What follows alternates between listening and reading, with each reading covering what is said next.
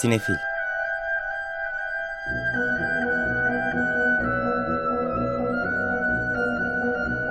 Hazırlayan ve sunanlar Melis Behlil ve Yeşim Burul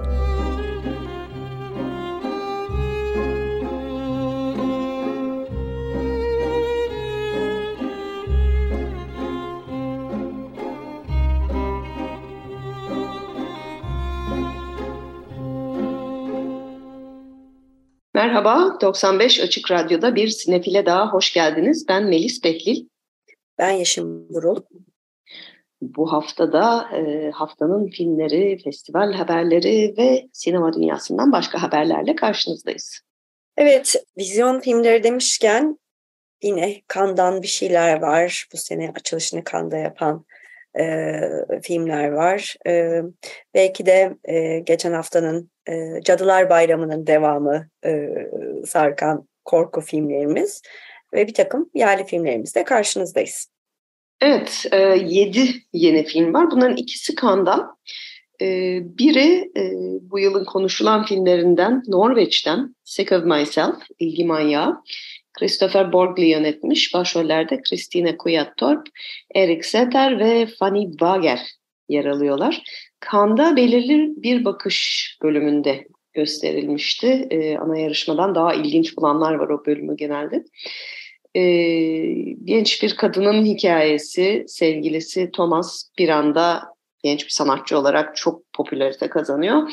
Ee, halbuki e, Sinye ise hayatta tam ne istediğini bilmeyen, biraz e, Thomas'ın yanında kendini e, görünmez hisseden e, bir kadın. Otuzuna yaklaşıyor, nereye gidecek tam bilemiyor. E, ve de bir şekilde kendisinin de ilgi çekmesi için bir takım yöntemler geliştiriyor ve o anlamda bence e, Türkçe çevirisi isminin e, ilgi manyağı gayet başarılı olmuş.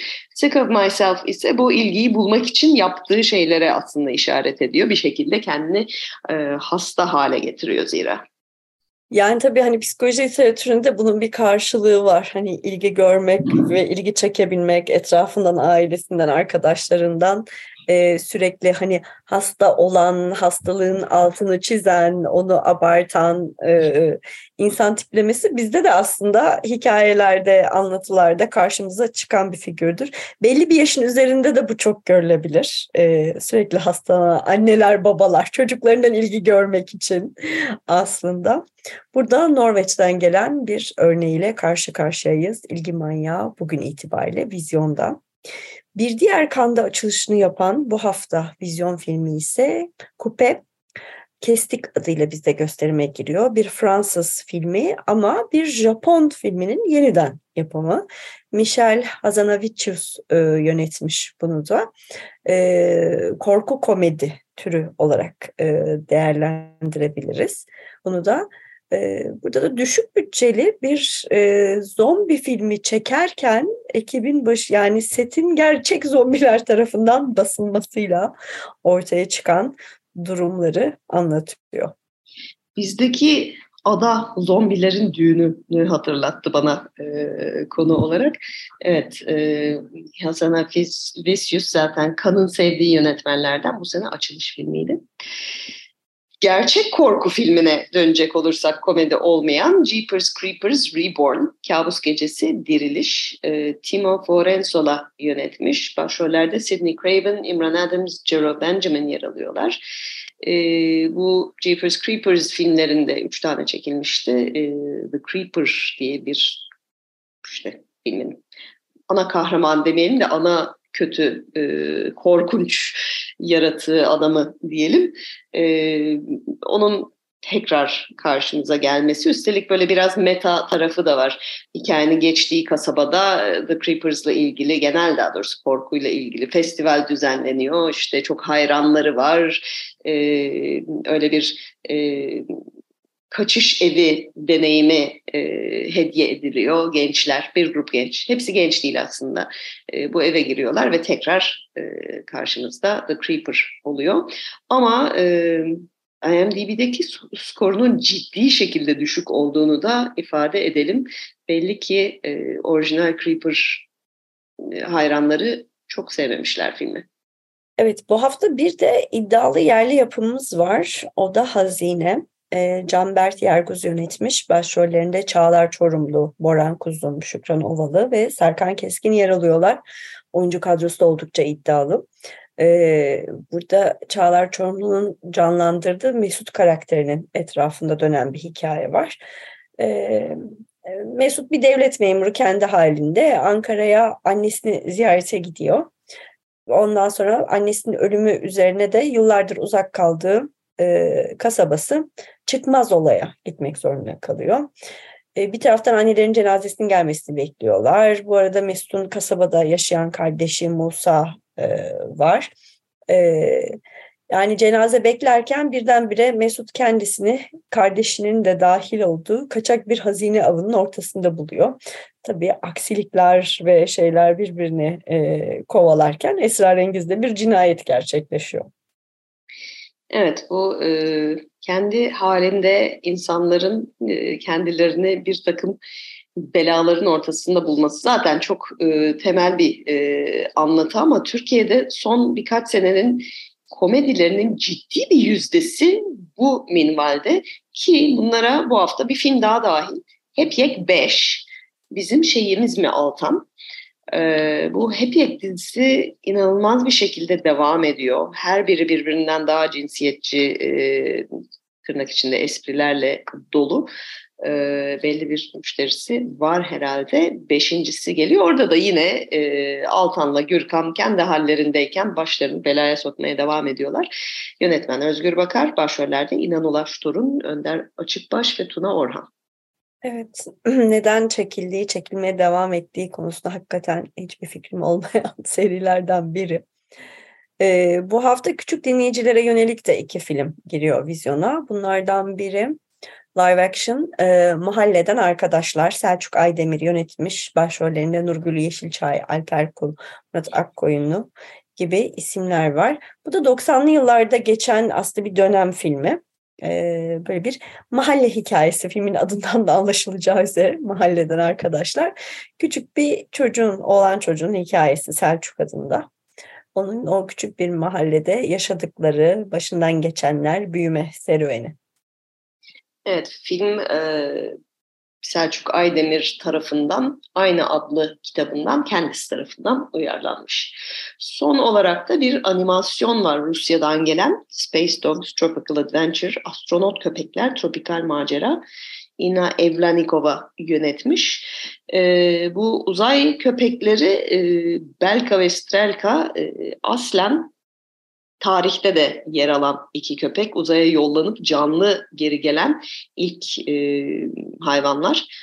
Çünkü ilk yollanan biliyorsunuz pek nahoş bir şekilde hayatını e, kaybetmişti. Tam da bugün yıl dönümü. E, bu Belka ve Strelka da e, bu animasyon dünyasında hayatlarını sürdürüyorlar. E, yine dünyayı kurtarmak üzere bir takım maceralara girişiyorlar. Evet bunlar da bu haftanın vizyon filmleriydi. Ama tabii vizyona ek olarak da e, çok sayıda gösterim programı da devam ediyor. İstanbul ve İstanbul dışında. Şimdi birazcık da onlardan bahsedeceğiz. Onların programlarına gireceğiz. İlk olarak Sinematek'le başlayalım. Sinematek Sinema Evi'nin Kasım programından daha önce de bahsetmiştik. E, bu haftayı hatırlamakta fayda var. Bu akşam e, Bernardo Bertolucci'nin Konformist filmi gösterilecek saat 8'de Kadıköy'de Sinematek'te. Yarın saat 14'te Marcel Carné'nin Hotel du Nord'u var. E, 18.30'da ise Julien Duvivier'den Label ekibi e, izleyebilirsiniz. Yarın e, pardon pazar günü ise e, saat 14'te her pazar biliyorsunuz Yeni Türkiye Sineması'ndan bir film ekip katılımıyla gösteriliyor. E, saat 14'te Tayfun Pirselimoğlu'nun bu yıl Oscar'larda aday adayı olan Türkiye adına filmi Ker gösterilecek. E, Ker'in gösterimini e, aktarırken aslında ekipten de bu geçtiğimiz hafta içerisinde bir kayıp verdiğimizi de e, söylememiz gerekiyor. E, maalesef filmin başrol oyuncularından Rıza Akın'ı çok ani bir şekilde kaybettik e, çok üzücü bir biçimde.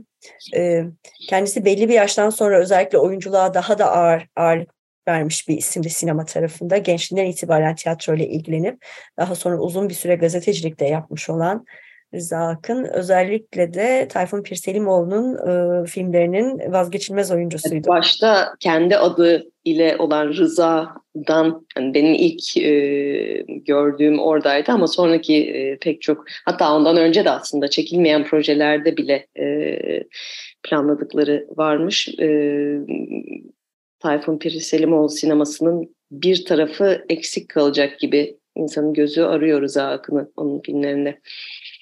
Evet, e, tüm sevenlerinin ve ailesinin e, başı sağ olsun. E, tekrar üzüntülerimizi paylaşmak istiyoruz buradan bu ani kayıp için. Evet, Sinematek'teki gösterimler devam ediyor dedik. Pazar akşam 18.30'da Peter Weir'in Hanging Rock'ta pikniki gösterilecek. Önümüzdeki hafta ise yine klasiklerden salı akşamı 8'de Dario Argento'nun Tenebresi. Çarşamba günü e, Fransız şiirsel gerçekçiliği e, programı içinde Jean Renoir'ın Harp Esirleri Le Grand Illusion'u.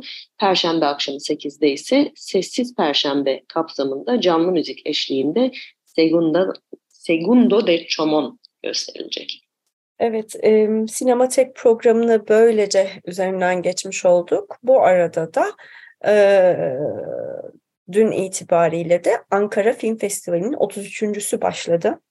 Ee, Ankara'yı e, sinema dolu, film dolu günler e, bekliyor. Oldukça yoğun bir program var. Bu sene yine e, yarışmalarıyla, e, gösterim programıyla Ankaralı sinema severler için oldukça doyurucu bir program var. Evet, bu seneki e, Ulusal Uzun Metraj Yarışması jürisinin başkanı Pelin Esmer. Ona müzisyen Can Atilla, görüntü yönetmeni Feza Çaldıran, yazar İlhami Algör, oyuncu Melisa Sözen, akademisyen Özlem Köksal ve oyuncu Serdar Orçin eşlik edecek. Ee, aynı yarışmada Siyad ödülü de veriliyor. Bu sene Murat Özer anısına verilecek bu ödül. O jüride de Burak Göral, Erkan Aktu ve e, Şenay Aydemir yer alacak.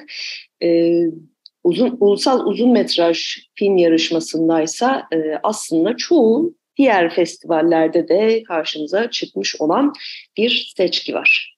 Evet, Gizem Kızıl'ın yönettiği Bana Karanlığını Anlat, Onur Ünlü'nün son filmi Bomboş, Ali Kemal Güven'den Çilingir Sofrası, Ziya Demirel'den Ela ile Hilmi ve Ali, Ümran Safter'den Kabahat, Selcan Ergun'dan Kar ve Ayı, e, Özcan Alper'den Karanlık Gece, Emin Alper'den Kurak Günler, Marina Er Gorbach'tan Klondike, e, İsmet Kurtuluş ve Kaan Arıcı'nın birlikte yönettiği LCV Lütfen Cevap Veriniz, Soner Caner'den Mukavemet ve Çiğdem Sezgin'den Suna. Bu filmlerin tabii bir kısmı e, daha önce başka yarışmalarda gördük dediğimiz gibi. Antalya'da yarıştılar, ödüller aldılar ve geçen hafta aslında bir festival daha oldu, bitti. Boğaziçi Film Festivali 10.sü yapıldı. Orada da ödül alan filmler var bunların arasında. Ee, ödül almakla bitmedi. Ona birazdan dönelim tekrar Ankara Film Festivali'ni biraz daha konuştuktan sonra. Geçen haftanın çünkü e, Türkiye film gündemini meşgul eden konularından biri oldu Boğaziçi Film Festivali ve sonrası.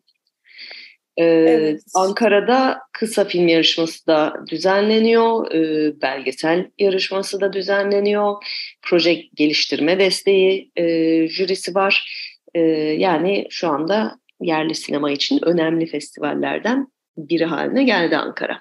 Evet, dünya sineması kuşağında da e, önemli e, yönetmenlerin filmlerinden örnekler e, buluşacak yine e, seyircilerle.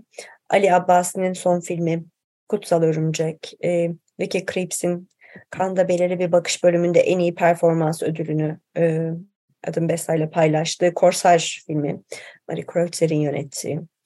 E, oldukça çok sayıda film var son dönemde festivallerden ön plana çıkmış e, yönetmenlerden. Festivalin yeni usta Silya Bomane başlıklı bölümünde animasyon sinemasının bu usta isminin filmlerinden bir seçki yer alacak.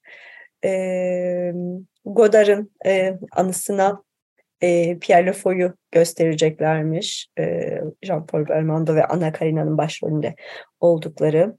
E, yine Pier Paolo Pasolini'nin o 100. yaşını kutlama e, için e, onun e, çekmiş olduğu Medea'yı uyarladığı Medea'yı e, gösterecekler bu seçki içerisinde.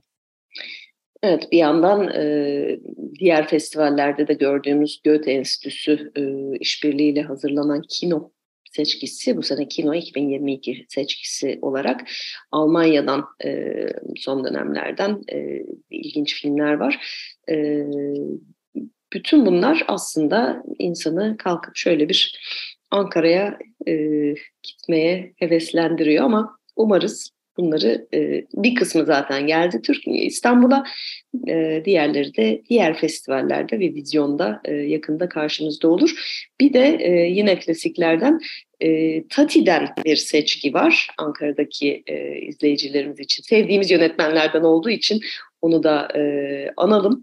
Bay Ülo'nun tatili, amcam ve oyun vakti gösterilecek Ankara'da Evet ben hiç izlememiş olanlar için acayip heyecan verici bir şey bence.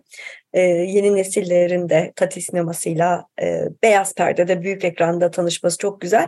Çünkü mesela Playtime'ı oyun vaktini gerçekten büyük ekranda izlemek gerekiyor. Onu her seferinde altını çiziyorum. Öyle bir mizansen yaratıyor ki yani e, perdenin her köşesinde bir şeyler oluyor. Küçük ekranda o detayları yakalamak neredeyse mümkün değil. E, Tati hakikaten çok başka türlü bir yönetmen e, sevenlere tekrar izleme fırsatı henüz izlememiş olanlar içinse tanışmak için müthiş bir fırsat Ankara Film Festivali'nde.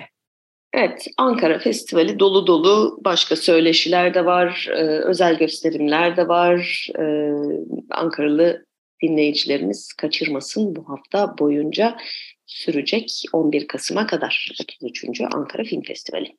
Evet, o zaman Ankara Film Festivali'ni bitirdikten sonra bu geçtiğimiz hafta tamamlanan Boğaziçi Film Festivali'nin olaylı kapanışından da belki biraz bahsetmek lazım. Festival bittikten sonra da çünkü e, e, yankıları devam etti diyebiliriz.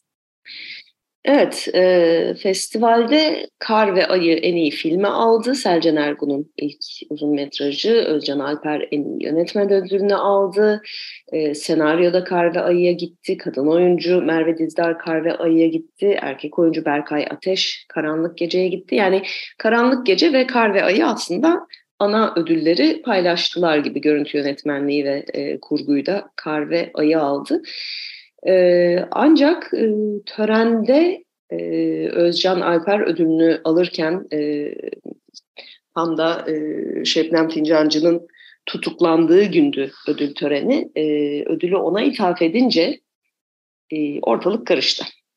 Evet yani Özcan Alper gerekçelerini belirterek neden bu aldığı ödülü aslında yani filminin anlattığı hikayeyle de çok örtüşen bir şekilde bu açıklamayı da yaptı. Ee, e, ve Şebnem, Şebnem Korur Fincancı'ya e, adadı e, ödülünü.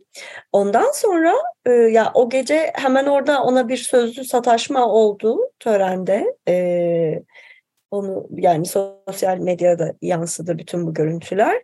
E, yani orada yani bir, bir şekilde yönetildi o süreç. Hani bunda bir sıkıntı yok. Ee, ancak esas e, sorun ertesi gün Boğaziçi Film Festivali yönetimi adına bir açıklama yapıldı. Ee, esas bence en büyük problemli şey o. Yoksa hani orada e, Özcan Alper bir e, açıklama yaptı ödülünü alırken belki seyircilerden birileri ona tepki gösterdi. Olabilir. Herkes ifade hakkını, özgürlüğünü kullanıyor. Sonrasında Boğaziçi Film Festivali'nin açıklaması ise aslında genel olarak e, sinema sektörü adına, sinema endüstrisi adına, sinema sanatı adına e, bence e, esas sorunlu mesele o açıklamadan kaynaklanıyor zaten. Evet, e, çok özetle daha doğrusu doğrudan söyleyerek e, kapanış gecesi ve ödül töreninde yaşanan istenmeyen olayların ve onaylanması mümkün olmayan siyasi söylemlerin meydana getirdiği etki bir yıllık uzun bir çalışma sonucunda ortaya koyduğumuz programın, filmlerin ve ödüllerin konuşulup tartışılamamasına sebep olmuştur. Her zaman sanatçıları ve filmleri önceleyen bir festival olarak ödül törenimizde ödül kazananların politik göndermeleri ve sloganlarını kınıyor kültür ve sanat hayatımızın sağlıklı bir zeminde yükselmesi temennisinde bulunuyoruz diye bir duyuru yapıldı. Ee, yani ödül alanların ne konuda konuşabileceklerini belirlemek ne kadar sağlıklı bir zemin sorusuyla başlıyor zaten. Bir hayli buna e, tepki geldi. Twitter'da e, her türlü eleştiren oldu vesaire. Ama yani bir yandan şu da tartışılıyor tabii. Boğaziçi Film Festivali bakanlık destekli ve başından beri nerede durduğu aslında bir hayli belli bir festival. Ee, Özcan Alper nasıl bir film sineması olduğu belli olan gayet politik bir e, yönetmen. Hani biri bu festivale başvuruyorken bunu göze almış belli ki zaten hani sonuçta gidip kendi söyleyeceğini söyledi törende. Ama Boğaziçi Film Festivali madem böyle bir sansür merakı var o zaman Özcan Alper gibi bir sinemacının filmlerini de almamasını bekleriz. Hem özgürmüş gibi görünelim ama sonra konuşmasına izin vermeyelim oluyor bu. Çünkü onun filmini almasa bu sene diğer festivallerde bütün ödülleri alan filmlerden birinin neden bu seçkiye alınmadığı sorgulanacak haliyle. İşte öyle evet. hem şey ne şiş yansın ne kebapçılık burada da görüyoruz. Evet yani aslında birazcık da e, hani o iki yüzlülüklerini de ortaya sermiş oldu Özcan Alper'in. E, hani ödülü almaya, Özcan Alper ödülü almaya da gitmeyebilirdi aslında yani. E, öyle bir şey de yapabilirdi. Ama bence gitmiş olması hani festival yönetiminin iki yüzlülüğünü ortaya koyması açısından da güzel oldu. Orada biraz böyle ne şiş yansın ne kebap hani e, bu şey Beyoğlu Kültür Yolu o festivalde öyle birazcık ya hani bütün aslında kültürel sanatsal faaliyetlere dair bir sürü şey engelledikten sonra şimdi biz yapalım hani o festivali, o kültürü ama bizim istediğimiz çerçevede olsun. Sadece bizim istediğimiz söylemlerle olsun ve hani bizim yöneteceğimiz biçimde olsun gibi çerçevelemeye, çalış, çerçevelemeye çalışmak da bir sıkıntı.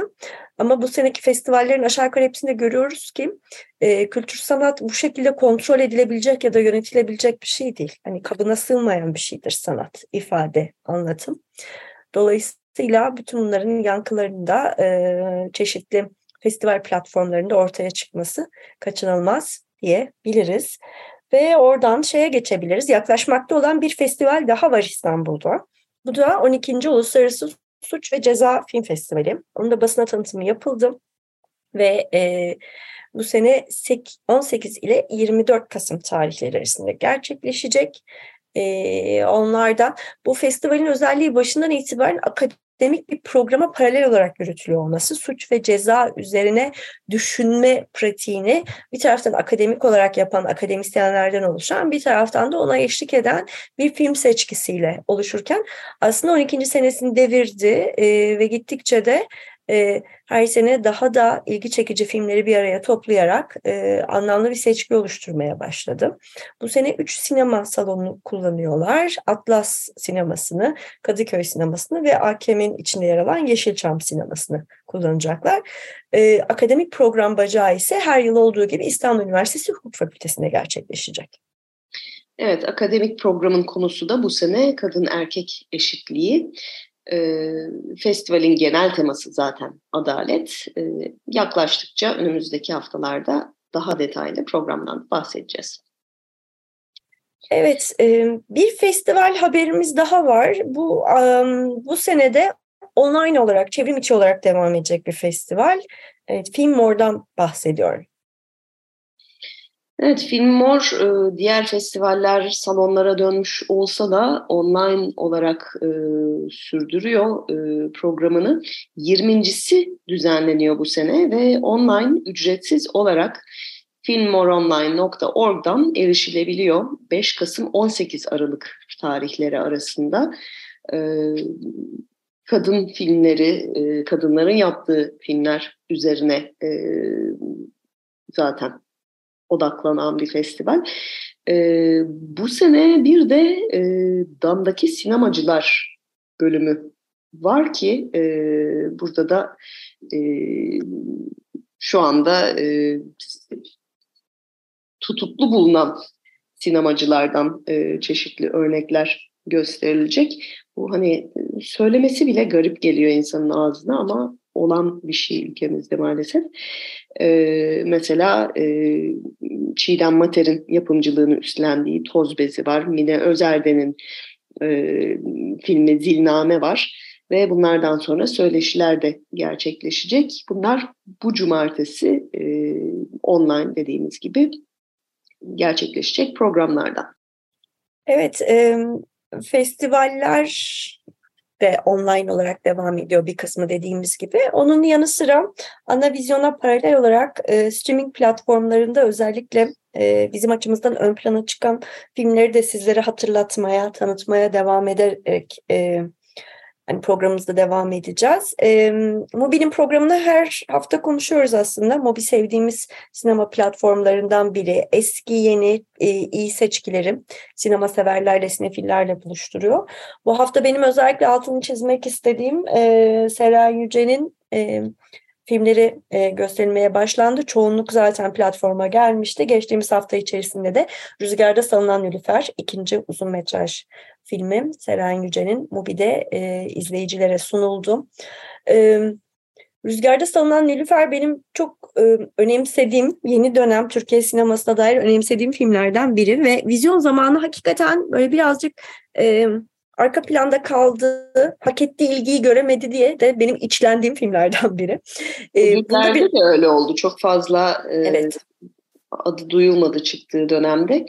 E, ama dediğin gibi e, konusunu çok iyi ele alan bir film. Benim e, o zamanki yorumum e, bütün karakterlerine çok acımasız davrandığı olmuştu ama bir yandan hani Ruben Östlund da öyle yapıyor geçen hafta konuştuğumuz gibi. E, o beni biraz rahatsız etmiş olsa da filmin gayet iyi yapılmış olduğunu ve e, belli bir e, kesime İstanbul'daki çok odaklı e, ve incelikli bir bakış attığını da düşünüyorum Rüzgar'da sanılan Nilüfer'in. Yani dediğin çok doğru. Çünkü hani Ruben Östlund'un filmleri kanda bu kadar el üstünde tutulup üst üste altın palmiyelerle ödüllendirilirken Rüzgarda Salınan Nilüfer bizim belki de o ayrıcalıkla benzer şekilde ayrıcalıklı sınıfın aynı acımasızlıkla o aynayı tuttuğu zaman e, böyle bir e, görmezden gelinmeyle karşılaşması, festivallerde e, hak ettiği ilgiyi görmemesi de bence Türkiye adına da anlamlı. Yani onu birazcık da oradan okumak lazım. Filmin başrol oyuncuları Songül Öden, Tolga Tekin ikisi de çok çok iyilerdi bence. E, Tülay Günal da keza. E, kısaca e, dinleyicilerimize konusunu aktaracak olursak izlememiş olanlar için Songül Öden ve Tolga Tekin böyle orta yaşlarda bir çifti canlandırıyor Handan ve Korhan adında.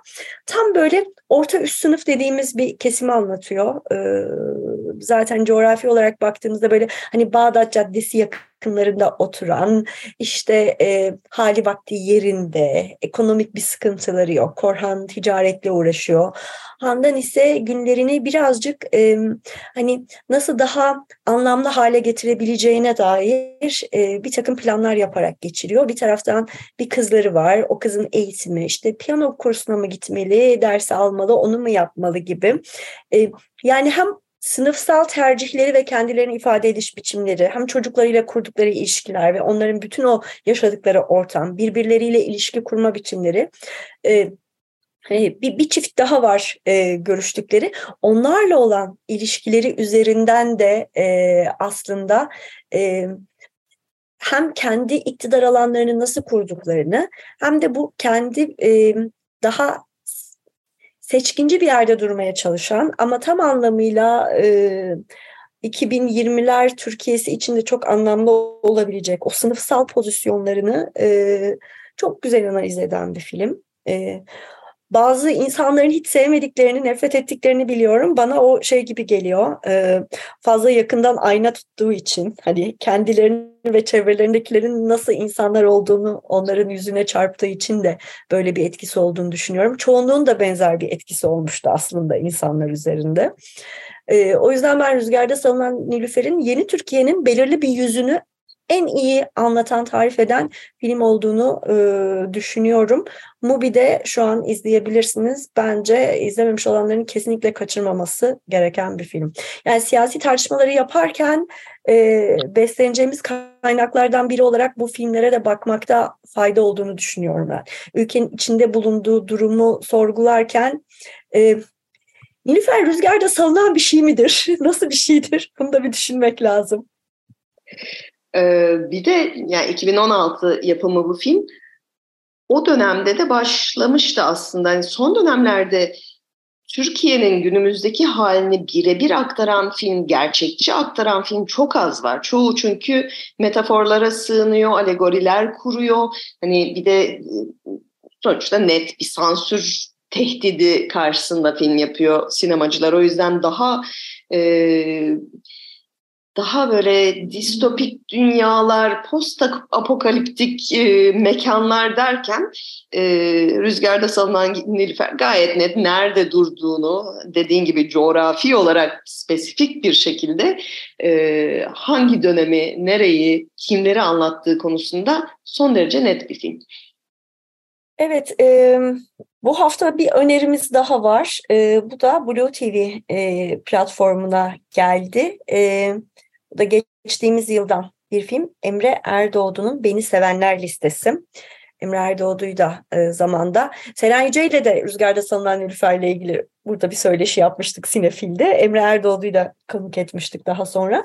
Beni Sevenler listesi de geçen senenin ilginç, dikkat çekici filmlerinden biri. Evet, ödüllü filmlerinden aynı zamanda e, Blue TV'de görmemiş olanlar için e, artık gösterimde. Bir önerebileceğimiz de e, İngilizce olmakla beraber ilginç ve bir hayli uzun bir yazı. Ben daha sonuna gelemedim onu da itiraf edeyim. Geçtiğimiz hafta e, Asgar Farhadi hakkında e, uzun bir araştırma yazısı yayınlandı da New Yorker'da e, Oscar'lı yönetmen Asgar Farhadi fikirlerini çaldı mı başlığıyla. E, bu zaten bizim daha önce de konuştuğumuz bir konuydu çünkü e, bir dava açıldı, o e, onun üzerine bir takım gelişmeler oldu. E, bu yazıyı e, bu konuyla ilgilenenler için e, bu yazıyı yazarken Rachel Aviv e, Farhadi dahil olmak üzere ve beraber çalıştığı pek çok isim neredeyse belki de herkesle gibi bir e, his veriyor e, yazının uzunluğundan.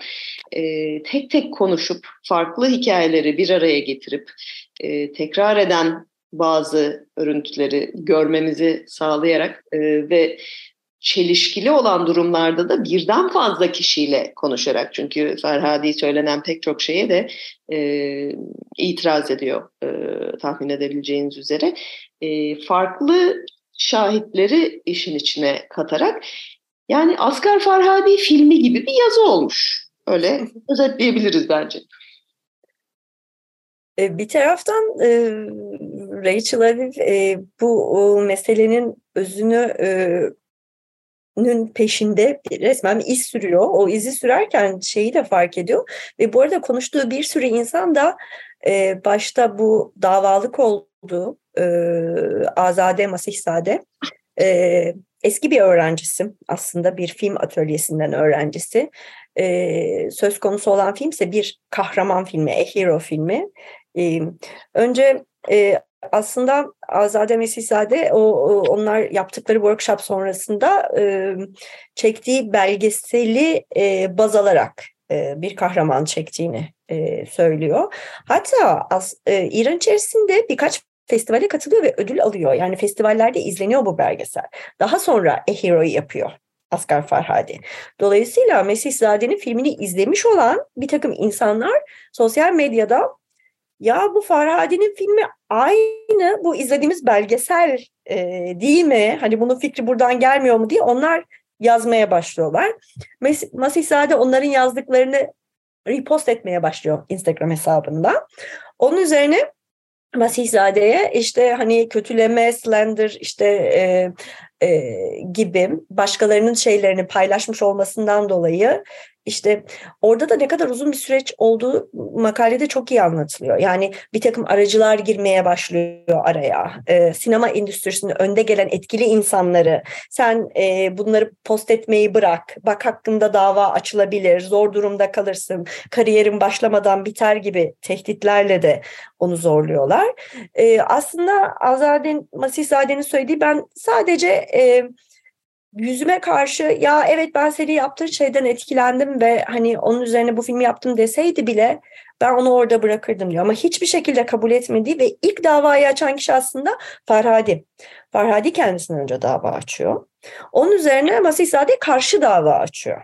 Ve durumu değerlendiren mahkeme Farhadi'nin iddiasını reddedip e, Masihzade'nin iddiasını e, e, üzerinden dava açılmaya değer bulup esas ceza mahkemesine yönlendiriyor. Yani aslında hukuki süreç bitmiş değil. İlk ön değerlendirme sonucunda Farhadi'nin iddialarının e, dan bir dava açılamayacağını ama ona karşılık Masihzade'nin e, ortaya koyduğu kanıtlarla bir dava açma e, şeyi olduğunu, vasfı taşıdığını karar veriyor. İşte ilk e, şeyi incelemeyi yapan hakim. E, ama dediğin gibi bence esas orada ilginç olan Rachel Aviv'in konuştuğu, çok uzun yıllardır Farhadi'yi tanıyan, farklı biçimlerde işbirliği yaptığı, beraber projeler ürettiği, kimisi yapımcı, kimisi senarist, kimisi oyuncu, çok farklı insanların Farhadi'nin çalışma biçimine ve kişiliğine dair yaptığı gözlemlerden ortaya çıkan örüntü. Yani Farhadi'nin de aynı kendi filmlerinde incelediği, senin de söylediğin gibi iyilikle kötülük arasında kalan, yaptığı yanlış bir şeyden sonra toparlayamayıp onun yol açtığı zincirleme olaylar sonrasında çok daha kötü bir duruma düşen bir takım kahramanlar gibi kendisi de. Yani ahlaki açıdan çok zafiyetleri olan, zaafları olan bir insan ama çok yetenekli çok çok yetenekli bir yönetmen olduğu hani kimsenin e, şeyini e, tartışmadığı bir konu ve pek çok insanın yıllar boyunca aslında tanık oldukları bu duruma tolerans göstermelerinin sebebi de bu kadar yetenekli bir yönetmen olmasından ve İran sinemasını dünyada da İran'da dünyada bu kadar başarıyla temsil ediyor olması söyledi olduğunda e, makale boyunca altını çiziyorlar. E, ama artık geldiği nokta çok ilginç bir nokta çünkü e, biliyoruz ki yani ya da takip edenler biliyor ki Farhadi şu an İran dışında, Amerika'da ve ülkesine dönüp dönmeyeceğini bilmiyor. Çünkü bunca senedir İran'da olup biten bütün siyasi olaylarla ilgili hep sessiz olmayı tercih eden bir isimken ilk kez bu son ayaklanmalar sonrasında ilk kez sosyal medyada bir, bir şey paylaştı bir itirazını evet. dile getirdi. Bu ilk ben de çok şaşırdım şahsen. İşte sebebini öğrendik ki Amerika'daymış ve geri dönüp dönmeme konusunda da çekinceleri varmış. Yani e, kendisini de artık başka bir yere mi geçirmeye karar verdi? Oradan gelen bir şeyle yapılmış bir hareket o anladığım kadarıyla. E, hala biraz kafası karışık. E, ama e, ama öbür taraftan şunu da düşünebiliriz ki öbür taraf yani bütün yani herkesin fikrini çalıyor diye bir şey değil ama arada birilerinin fikirlerini alıp kendine mal edip yani zaten sıkıntı bir fikri alıp çok iyi geliştirip ve ortaya çok iyi filmler çıkartıyor ama orada o kişiye o krediyi vermemiş olması, o referansı vermemiş olması, o çıkış noktasını kabul etmemiş olması, e, her şeyin kendisinden çıktığı ve kendisinden e, menkul, kendinden menkul bir yapısı olduğunu iddia ediyor olması. Gerçi kültür sanat dünyasında, sinema dünyasında bu zaman zaman karşımıza çıkan çok büyük isimler e, etrafında da dönen bir hikayedir. Bir hikayenin orijini kimdendir, o fikir kimdendir, kim almış, kim çekmiş, kimin filmi. Bu arada bir takım küslüklere sebep olabilir tabii film yönetmenleri arasında da. Bunlar değişik dönemlerde duyduğumuz hikayeler. Ama bu makale bence bir e, araştırmacı gazetecilik e, örneği olarak da çok iyi bir çalışma, çok derinlikli bir çalışma. Uzun bir makale ama sonuna kadar okumaya değiyor gerçekten Melis'in de dediği gibi. Evet ben e, yollarda okurken yarısına gelebildim ama kalanında heyecan ve merakla bekliyorum. Çünkü çok da iyi yazılmış dediğin gibi. E, bir şey eklemek istiyorum makaleden. de yapılırsa iyi olur Türkiye'deki çok, sinema e, severler için de. Çok şahane olur. Bu makalenin hani genel olarak fikrini hiç unutmayacağım. Çünkü en sonunda Rachel Web'i öyle bir noktaya bağlıyor ki yani Farhadi'ye bakışımızda da hani şey olmamız lazım. Yani Farhadi nasıl bu iyilikle kötülük arasında sıkışmış karakterlerine bir şefkatle bakıyor. Hani farklı perspektiflerden bakıp onları da e, hani çok gri bir alanda bırakarak izleyiciyi de hani e, yaklaşıyorsa Farhadi de yak yaklaşımımız da biraz öyle olmalı gibi bir şeye getiriyor. Orada verdiği bir e, yan bilgi e, çok hoşuma gitti. E, Farhadi'ni demiştim kısa bir süre öncesine kadar e, pek çok sinemacı tarafından da ki şu anda üç yönetmen, ünlü yönetmen belki daha da fazla yönetmen hapiste şu an İran'da. E, kendilerini ifade ettikleri rejime olan itirazlarını sözlü bir biçimde dile getirdikleri için Faraday hiçbir zaman öyle bir insan olmadı. E, orada da onu şeyle eleştiriyorlar. E, rejim destekçisiymiş gibi gözükmeyip rejimden beslenen devlet desteğini sonsuz arkasına alan o şeyle beraber o destekle beraber bütün bu dünya sinemasındaki başarıları e, şey yapması alması Oscar'lardaki başarıları, Kandaki başarıları, tüm dünyadaki saygınlığın arkasında aslında İran İslam Cumhuriyeti var. Hani bir rejim olarak da diyorlar. E, o yüzden Farsça'da bir terim varmış. Bu e, ne şiş yansın ne kebap hani hem onu yapayım hem onu oraya yapayım orta yolcular için vasat baz diyorlarmış. Ve hatta e, televizyondaki talk show'larda şey bile yapıyorlarmış. Haftanın vasat bazı kim gibi. köşeler yapıyorlarmış. Bu vasat baz ifadesini çok sevdim. Bizim jargonumuza da girsin istiyorum. Ee, Türkiye'nin vasat bazlarını her hafta seçelim. yok o yüzden rahat rahat bulunur.